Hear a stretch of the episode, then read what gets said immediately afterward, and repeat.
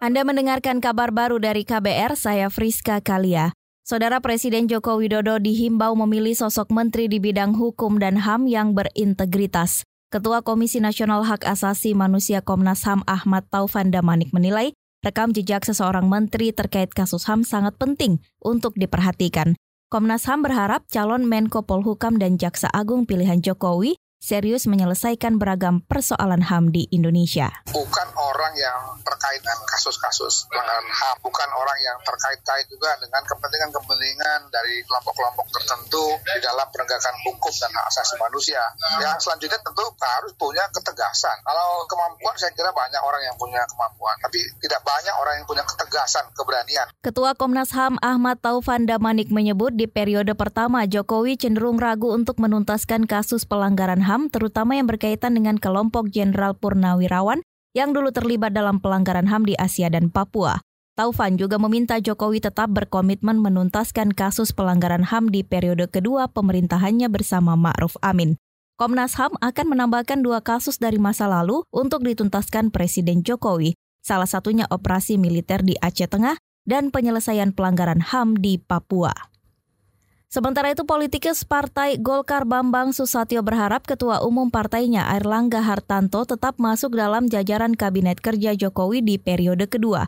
Bamsud begitu ia biasa disapa menyebut komposisi calon menteri yang dipanggil Jokowi bisa menjawab tantangan yang akan dihadapi Indonesia. Tapi yang pasti kami mengharapkan ya ketua umum kami tentu saja panggil menjadi uh, calon menteri, kemudian juga Pak Agus Gumiwang jadi calon menteri.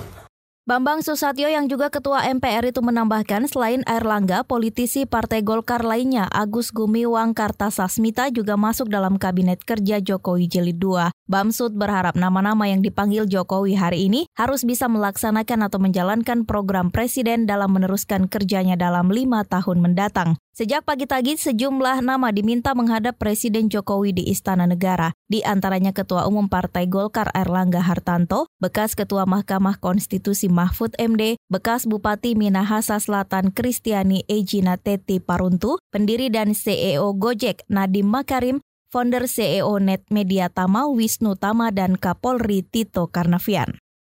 Sementara itu Presiden Joko Widodo memanggil sejumlah nama ke Istana Negara untuk mengisi posisi menterinya. Salah satunya adalah Komisaris Utama Net Media Tama Televisi Wisnu Utama. Ditemui wartawan, Wisnu Tama yang saat itu mengenakan kemeja putih menyatakan bersedia menjadi menteri di Kabinet Kerja Jokowi Jilid 2. Kira-kira di bidang yang kemampuan saya lah gitu, teman-teman mungkin tahu ya. Ya kira-kira untuk meningkatkan kemampuan kreativitas di Indonesia, ya kan. Lalu juga meningkatkan devisa, nah, kan bingung kan? ya walaupun saya tidak bercita-cita jadi menteri, tetapi ini untuk sebuah kebaikan bangsa kita, saya bersedia. Wisnu Tama mengaku dirinya juga bersedia melepas jabatannya sebagai komisaris utama di Net Media Tama dan Kumparan sebelum dital sebelum dilantik sebagai menteri oleh Jokowi. Wisnu Tama menambahkan jabatan menteri apa yang akan dipimpin akan diumumkan langsung oleh Presiden Jokowi. Sejak pagi tadi sejumlah nama sudah diminta menghadap Presiden Jokowi ke Istana Negara. Demikian kabar baru dari KBR, saya Friska Kalia.